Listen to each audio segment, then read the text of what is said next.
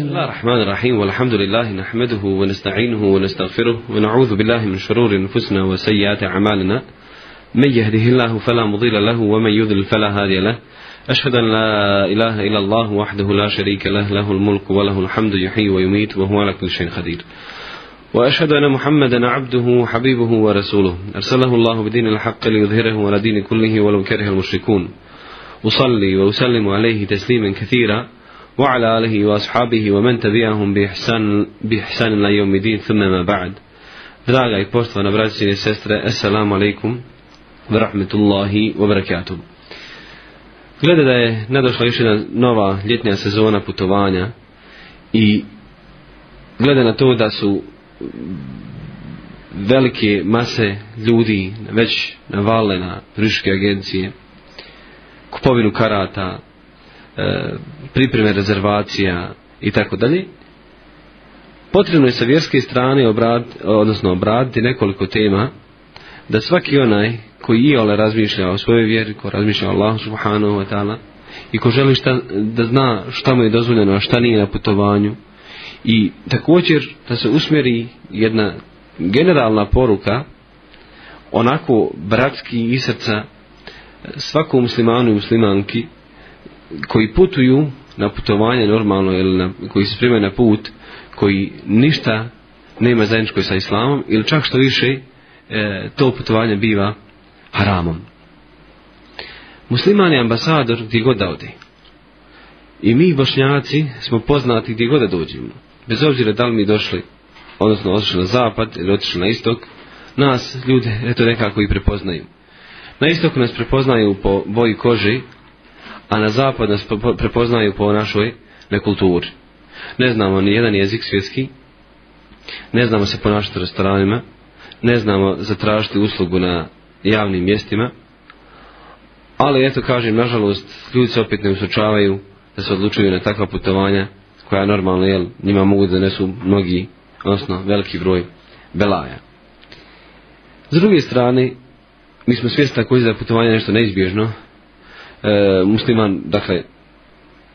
putuje na različite strane, putuje radi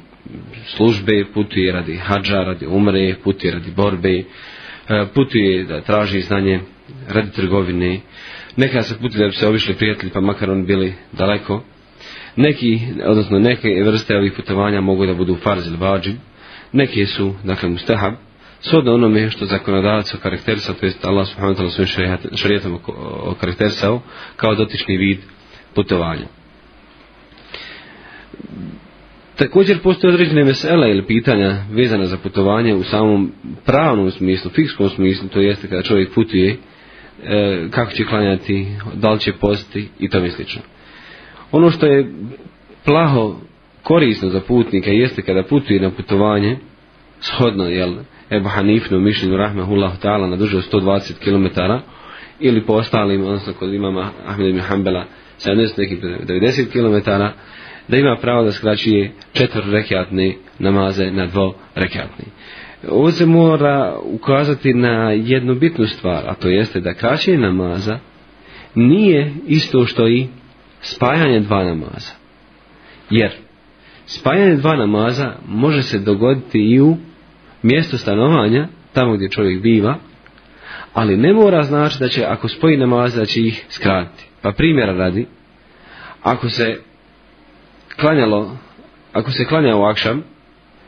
pa je otpočela jaka kiša, jesenja jaka kiša i tako dalje, onda imam ustani okvir i kaže,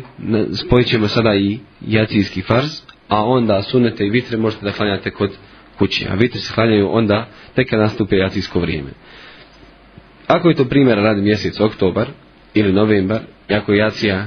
ponašuje vakti ovdje u 6, 6.15, Akšan se klanja u pola pet i tad će se klanjati normalno jacija ali će se spojiti na te vremenski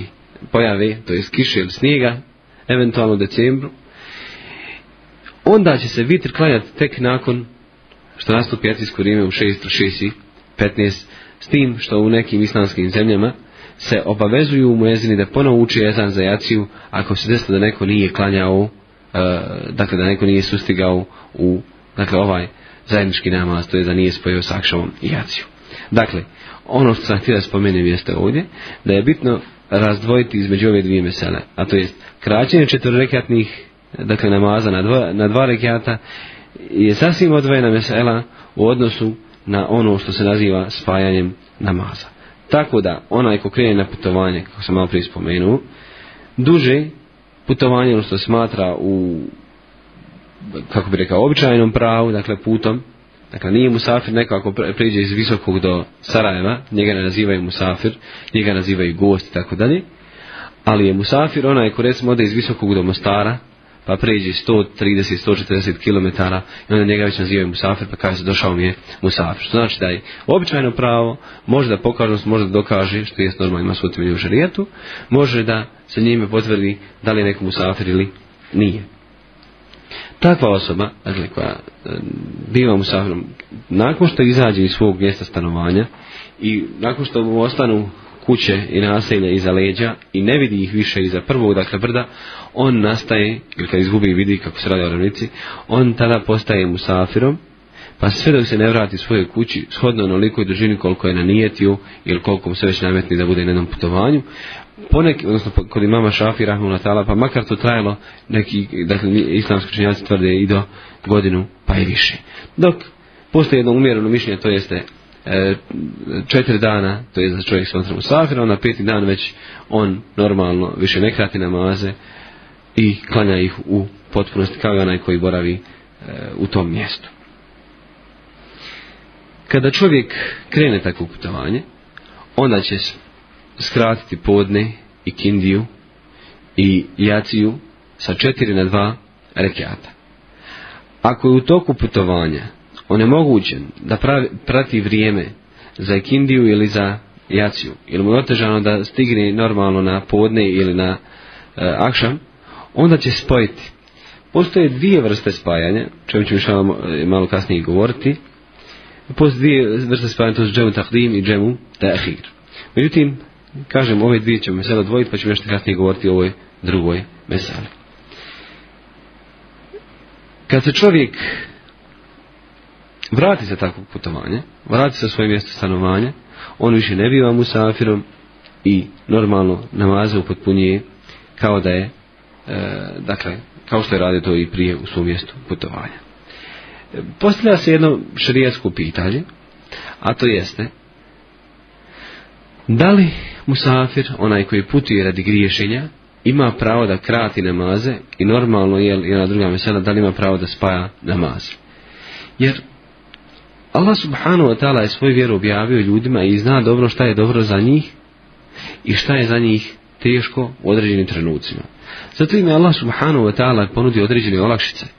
Kao što Allah poslanik sallallahu kaže: "Inna Allaha yuhibbu yuta rukhasa kama yuhibbu yuta Allah subhanahu wa ta'ala voli da se koriste njegove olakšice isto kao što voli da se koriste njegove, da se izvršava njegove naredbe. Pa Allahu poslanik sallallahu kada govori o olakšicama gledaj namaze i mnogim drugim stvarima pa kaže to je Allahova olakšica pa je iskoriste to jeste onaj koji je na putu neka iskoristi ovu olakšicu za kraćenje namaza sa dva pardon sa četiri na dva rekiata što znači da sada i akšam se ne krati osim dakle što se mora napomenuti da se sakšamo može da spoji jacija a normalno se ja skrati u određenim slučajima, o čemu ću išala malo kasnije nešto i progovoriti. Onaj ko krene rad griješenja, onaj ko krene rad griješenja, kao što je recimo putovanje na more, na izlaganje svoga tijela pred nevjernicima, isto tako gledanje u harame ili dopuštanje svojoj porodici da se razgoličavaju na plažama i različiti drugi videovi putovanja rad kojih čovjek putuje u određenu zemlju kao što je recimo zemalja gdje tamo strogo kažnjavanje bluda, pa putuju u zemlje gdje je blud normalna stvar, odnosno gdje postoje javne kuće, gdje postoje rospije na svakom koraku, što je nažalost kod nas na slučaj, imate priliku da ih susretnite kada ulazite u Sarajevo, kada izlazite iz Sarajeva, one nikom ne smetaju, dok muslimanke sa svojim hijabima svakom smetaju. Ovo više govorim sa emotivne strane, ali kažem, onaj ko putira takvih odnosno sa takvim ciljevima, da bi izbjegao šrijesku kaznu u svojoj zemlji, to je skamenovanje ili bičevanje, pa putuje u neku drugu zemlju da počini blud, a sa druge strane on zna da je puštanje namaza nevjerstvo, odnosno ugovor i njih je namaz pa ga pusti, on je počinio širku i nove predaje je počinio kufr, takav, takav bojeći za sebe, on kaže neće puštati namaz, i normalno on sebi smatra, dakle, muslimanom, Uh, odnosno čuva svoj islam na taj način, ali s druge strane je popustljiv, odnosno nemoćan je se bori protiv bolesti čega želi za činjenjem bluda. Takvom nema popuštanja u onome što je on naumio, to jeste nema onih olakšica, nema pravda koristene olakšice, jer njegovo putovanje je putovanje ma'asijeta, to jest nepokornosti Allahu subhanahu wa ta'ala. Nemoguće je da čovjek tvrdi da voli Allah subhanahu wa ta'ala se prema njemu griješi,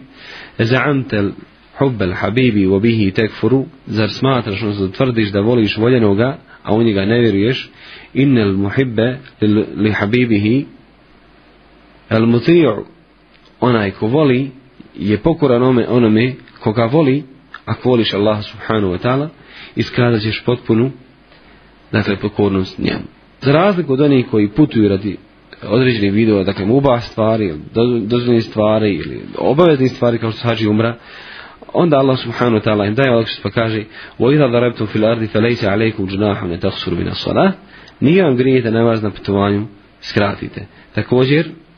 Enes ibn Malik radijallahu anhu prenosi da je, da je rekao jednom prilu. krenuli smo na put sa Allahom poslanik sallallahu alejhi iz Medine u Meku, pa je na njemu namaze od četiri kajata klanjao po dva rekata sve dok se nismo vratili u Medinu. Dakle, put između Mekke i Medine često 70 km tačnije danas, jel to su putevi, normalno asfaltni putevi, e, sa prevoznim sredstvom, u ono doba je bilo to malo drugačije, možda u jednu ruku da kažem slobodno bilo je bliže jer su koristili možda i preč, pre, prečace, ali sa druge strane bilo je mnogo dalje jer nije bilo presjeka i usjeka između brda, nego se moralo svako brdo prevaliti, normalno svaki dio pustinje, dakle, proći, Allah najbolje zna. Druga stvar također jedna od olakšica koja je data Musafiru jeste da možda u toku svog putovanja, dakle ako musafir tri dana i tri noći bez skidanja mestvi ili normalno onoga što u smislu mestvi kao deblje čarape, da potiri po njima mesh, jer da li je radijalan anu se prenosi da Allah odredio tri dana i dvije noći kad su bili musafiri, a jedan dan i jednu noć kad bi se bilo koči, to jest da se potire po mestvama. Ako se čovjek nađe na putu i ako nema vode ili ako je normalno do vode E, nemoguće doći, dakle u teškim uslovima postoji između čovjeka i dolaska vode ili opa, opasnost neka vreba, životne i tome slično. E, dozvoljeno je uzeti tajemu jer Allah subhanahu wa ta'ala kaže وَإِن كُنْتُمْ مَرْضَى وَلَا سَفَرٍ أَوْ جَاءَ أَحَدٌ مِنْكُمْ مِنَ الْغَائِطِ وَلَا مَسْتُمُ النِّسَاءَ فَلَمْ تَجِدُوا مَاءً فَتَيَمَّمُوا u طَيِّبًا فَامْسَحُوا A ako ste bolesni ili na putu ili ako je neko od vas obavio prirodnu potrebu ili ako ste sastali sa ženama a ne nađete vode Onda dlanovima čistu zemlju dotaknite i lica vaša i ruke vaše potarte.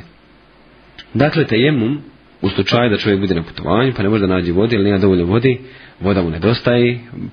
mora vode da sačuva za sebe za piće, njemu je u tom slučaju dozvoljeno da uzme tajemum. Tajemum normalno, mi smo govorili o poglavi tajemuma, tako da nećemo ulaziti u pojedinosti, osim što se dotakne, dakle, jedan put zemlja, šakama, potrljaju se šak i onda isto, isto, isto tako, jel, isti ma i potare se jedan put i preko lice, na taj način završi se temu, s tim što temu važi samo za jedan određeni i banet.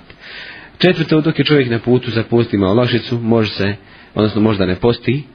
e, dok je na putu, a onda da napusti drugi broj dana, dakle isti broj, kao što Allah subhanahu wa ta'ala kaže, فَمَنْ كَانَ مِنْكُمْ مَرِيدًا وَلَا سَفَرٍ فَعِدَةٌ مِنَ يَا a onome kod vas bude bolestan na putu isti broj drugih dana. Također dok se na putu boravi na fila namaz se može klanjati, dakle nije isključena, jer Allah poslanik sallallahu alaihi nikada nije izostavljao sabahski sunet i nikada nije izostavljao vitr namaz, nego bi klanjao, ali kada je riječ o na filama, na file se mogu klanjati na prevoznom i prevoznom sredstvu, bez obzira u kojem pravcu se prevoznom da krene, Allah poslanik sallallahu alaihi zanijetio okrenući prema kibli a onda zalijetio prema kibli, a onda bi nastavio svoje putovanje i onako jahalca ili onaj možda putno sredstvo, sradio se radi o avionu, se radi o brodu, kretalo se u kojem pravcu hoće, u kojem pravcu hoće, e, dakle, nevezano za kiblu, osim farz namaza. Za farz namaz je bilo plaho bitno, odnosno da čovjek zastane i da klanja okrenut prema kiblu. Dok se na putu boravi, ono sam malo prije e, nagovijestio, jeste Spajanje dozvoljeno spojiti kindiju sa, podne i akšam e, dozvoljeno spojiti sa jacijom. Podne, podne i kindije se mogu spajati u dva vremena, u podnevsku ili kindijsko vrijeme. Ako se spoji u podnesko vrijeme, to zove džema taklim, dakle spajanje u prvom vremenu, to je vrijeme. Džema tahir, spajanje u kindijskom vremenu. Isto tako za akšam i za jaciju važi. Ako će se klanjati oba da namazaju akšamsko vrijeme džema tahlim, ako se klanjati u jacijsku vrijeme, on zove džema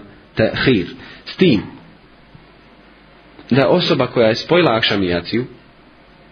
malo sam to spomenu, mora dobro paziti da ne zaboravi na vitre, jer vitre, se, vitre kao namaz ne ostavlja se ne u toku putovanja, niti u toku boravka svoje kuće, jer Allah sam nikada nije izostavio, njega i sabarski sunet,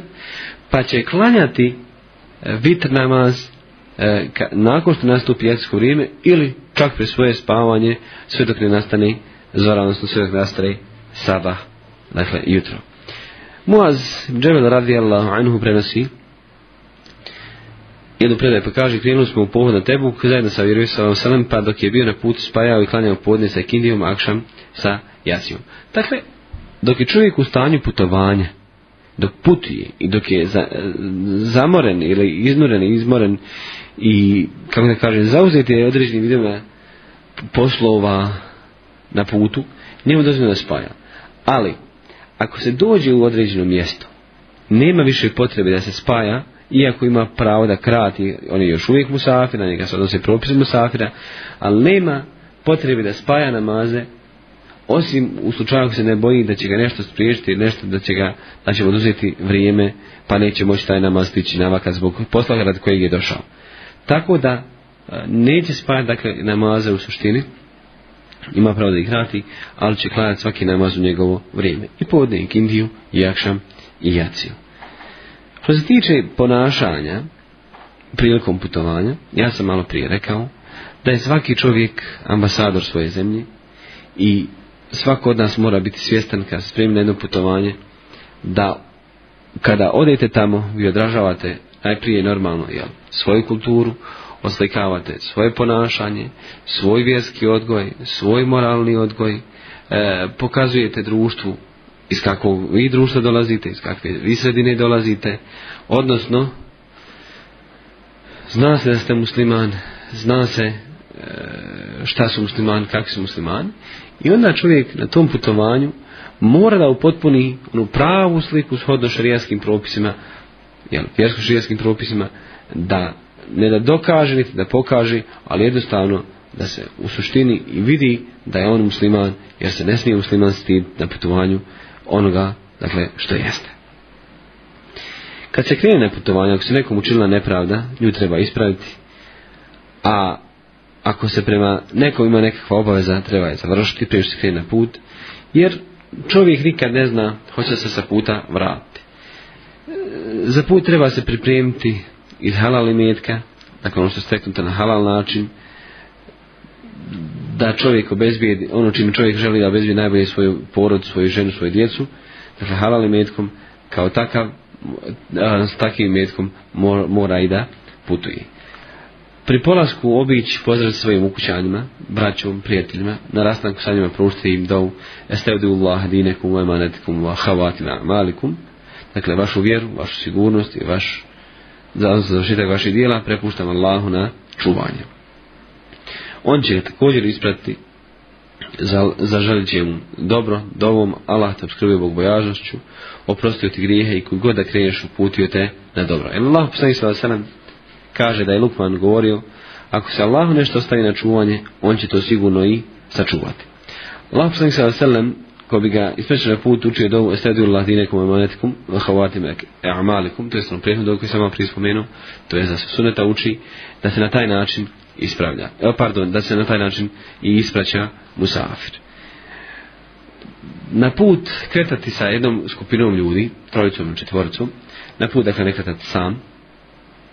zatim provjeriti osobe sa kojima će se putovati jer putovanje može donesi mnogo neugodnosti e, riječ sufur, odnosno dosta je riječ sufur, znači razotkrivanje. I osoba kad je na putu osjeća jednu ogromnu potrebu za razgovorom,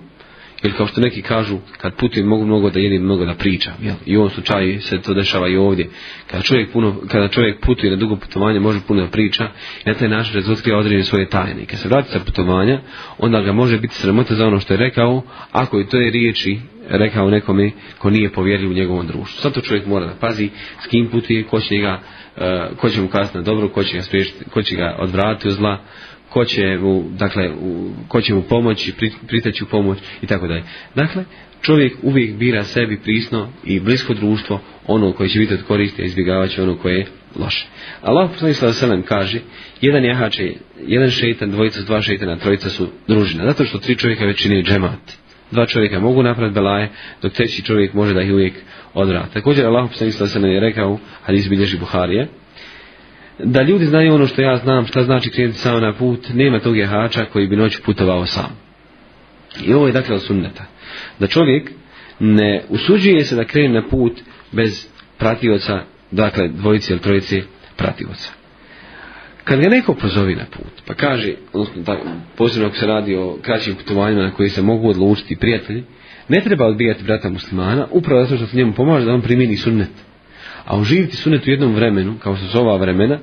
je veoma teška stvar i onaj ko življava sunet, na taj način zaslužuje i nagrad kod Allaha subhanahu wa ta'ala shodno onome sunet shodno onom trudu koji on ulaže da se taj sunet oživi. Držina koja zajedno putuje, između sebe jednog treba izabrati kao vođu, dakle emir, da ga uzmu za emira Sefera, e, najprije se gleda kroz savjetovanje i normalno kao takvom moraju biti pokorni, poslušni u toku Allah poslanih se ne kaže, kad trojice krenu na put, neka jednog iz sebe odrede za emira. Što znači da se stvar kod emira uvijek završava sa jel, korisno, odnosno e, sa jednoglasnim mišljenjem, ako emir naredi, ovi se pokoravaju i na taj način biva lakše odlučiti se na određeni čin toku svog putovanja. Prije kretanja na put, potrebno da čovjek e, sklanja, odnosno klanja istiharu namaz, jer Allah je podučavao svoje ashave da prije svakog dijela nego prije što se odluči na određeno da ga učini, da e, klanja istiharu namaz, zamole Allah subhanahu da ukaže da li je dotično djelo dobro ili nije za njih, da je malo olakša ili eventualno oteža, ako nije dobro. Kada čovjek napušta kuću, od da prouči Bismillah tebe kal Allah, na havla vela kuvete ila billah. U ime Allaha, ostane se na, na Allaha, nema snage niti moći osim kod Allaha subhanahu wa ta'ala. Kada uzjaše na prevozno sredstvo, dakle, u ovom smislu kaže, kada uzjaše to jeste na konja ili na deju nešto, ili kada sjede u automobilu, avionu, brod ili tome slično, proučit će postoji različiti oblici dova, ali jedan najpoznatiji onaj koji je također kod nas sahar lena hada wama kunna lehu muhrenin vojna ila rabina lemun kalibun neka je slavljen onaj koji nam je počinio ovo, a mi nismo sposobni bili da ga počinimo sami sebi i mi ćemo svome gospodaru vrati Dakle, ovu dovu čovjek uči u smislu zahvaljivanja Allahu subhanahu wa ta'ala za ono što je Allah subhanahu ta'ala podčinio od tih sredstava. I onaj ko ima ili tak tako određeno sredstvo za putovanje Neće toliko sredstvo koristiti za nas i eto je za griješenje, nego u startu on priznava, priznaje da je to sredstvo da Allah subhanahu wa ta'ala, zahvaljuje za Allah subhanahu wa ta'ala i normalno jel, uzma sebe obavezu da neće počiniti grijeh na tom svom putovanju. Na put treba krenuti što ranije, to četvrtkom, jer Allah ta'ala kaže Allahu podari mome umetu blagoslovi sreću, dakle, to je beričet u ranim satima. Također se pripovjeda Allah poslanik sa se putova četvrtkom, a Allah poslanik sa se kaže burke li umeti fibu mogu mom umet učinjene beričet u ranjenju. I ovo je suština, dakle, i postoje postavice kod nas narodne kojima se kaže korano rane dvije sreće grabi i danas dan to se može primijetiti da onaj ko porani normalno više će se ošićati od onoga koji kasno ustane. Deveto, na svakoj uzvišnici treba donesi tekbir, jer se Debu Hurira radi Alano prenosi da jedan čovjek došao Allahom poslanik sa Veselem i rekao da ne vjera krenuti na put. Zamolio ga je da ga posavjetuje, a on mu reče, budi bogobojazan na svakoj uzvišnici donesi tekbir. Deseto, ako se boji nekog od ljudi, treba da prouči Allahume ina na neđaluke, finu hurihim, ina bika mišururihim. Allah sačuvaj nas od njihovih namjera u prsima i zaštiti nas od njihovih zala. Dakle, treba zamoli Allah subhanahu wa ta'ala za zaštu, zamoli Allah subhanahu wa ta'ala da mu pomogne, da ga Allah subhanahu wa ta'ala zaštiti od ljudi, od džina i svakog onoga zla koje mu se naveći. Također, u tog svog putovanja ne smije zaboraviti na Allah subhanahu wa ta'ala da mu se obrati e, dovama one koje su njemu najpotrebnije jer Allah wa ta'ala kaže tri se dove E, bez ikakve sumnje uslišavaju dova obespravljenog, to zluma, zluma dova musafira i roditeljeva kletva protiv njegovog djeteta.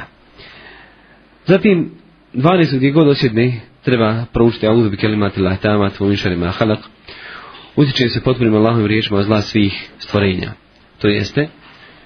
Allah poslanih sa selam u kaže niko neće proučiti ovu dobu kad se nađe na mjestu, zatim meri da neće ništa naštetiti, sve dok ne ode iz toga mjesta. Ako postoji strah od samoći, treba proučiti subhana al Malik al Quddus i Rabi al Melajkit sema Ruhi, Sema bil Izeti slava hvala, odnosno slava vladaru svetom, gospodaru Meleka i nebesa se okićena njegovom silom i moći. Dakle, čovjek onda biva ispunjen nadahnut od Allaha subhanahu wa ta'ala i potpomognut Allahom subhanahu wa ta'ala snagom i moći. Ako legne odmah na početku noći nasloniti glavu na položenu podlakticu, a ako legne krajem noći uspraviti podlakticu nasloniti glavu na dlan, da ne bi zaspao i da ne bi normalno propustio saba namaz. Što znači da oni ko na putovanja trebaju se potruditi, pored toga što ih putovanje i iscrpi, iznuri, da ne sjeli do kasnu noć jer ih može to zavesti pa da propuštaju saba u njegovo vrijeme. Kad se približi nekom gradu, mora Allah zamoliti za dobro tog grada, da se uči njemu od zla i normalno da zamoli za dobro onog stanovnika koji se nađe u tom gradu i da zamoli, e, odnosno da se uči od zla stanovnika oni koji se nalazi u tom gradu. 16. kad završi posao, treba da se požuri sa putovanja prije, čim prije se vrati svojoj kući, svom zajučaju, jer Allah se ne kaže put je svojevrsna patnja, jer na njemu ne može kako treba ni najesti, ni napiti, ni spavati. Zato kad neko od vas obavi svoj posao, na put nek odmah požuli svojima. I kod nas postoji na izreka kad se dođe kući, pa se kaže najljepše i kod svoje kuće, što jeste jedan od dokaza, odnosno jel, jel, e, i same potrebe ovog hadisa, da čovjek se najrahatnije osjeća kad dođe svome, svojoj kući. Kad krene kući, treba tri puta izgovoriti Allahu Ekber, to Allah je najveći. Zatim te kaže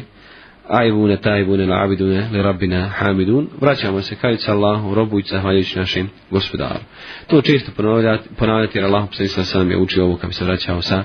putovanja. Zatim, ne vraća se svojima noću, nekoga posada i obavijesti. Danas postoji e, mnoga tehnička komunikacijska sredstva kojima se može prenijeti poruka ukućan se vraća i to je od da se obavijesti ukućani da dolazi sa putovanja. Jedan od propisa koji je vezan za ženu jeste da njoj nije dozvoljeno bez mahrama putovati na udaljenost koliko je dan noći. Dakle, ne smije samo putovati, a Allah da se ne kaže ženi nije dozvoljeno putovati na udaljenost koliko je dan i noć hoda, osim sa njenim mahremom. To jest, osim u društvu sa mužem, sa, sa nekim e, sa kojim ne može stupiti u brak. Ova, ova mesela dakle, plaho vezana, odnosno uveliko vezana za svaku, za svaku muslimanku, onu koja vjeruje Allah subhanahu wa ta'ala, njegovog poslanika, onu vjeruje u sudnji dan, da se ne odluči na putovanje bez mahrema. Upravo zato što Islam štiti čas žene, e, štiti njenu slabost, upotpunjava ženu ondje gdje ona sama ne bi mogla da e, dakle, uspije i u ovom kontekstu, odnosno u ovom smislu, E, se dakle ukazuje na činjenicu to jest da žena ne smije putovati upravo zato da ne bila napastovana ili da ne bila dovedena u rašta iskušenja. Ja molim Allaha subhanahu wa ta'ala da nama ovog ljeta podari mnogo sabora, mnogo strpljenja da nas Allah subhanahu wa ta'ala uputi kamo samo na činjenje dobra, na njemu na pokornost subhanahu wa ta'ala i nikako da ne budemo dakle od onih koji će odlaziti putovati radi griješenja ili radi dakle onoga što smatra nepokornošću prema Allahu subhanahu wa ta'ala wa sallallahu ala sallam rabina Muhammed wa jazakumullahu khairan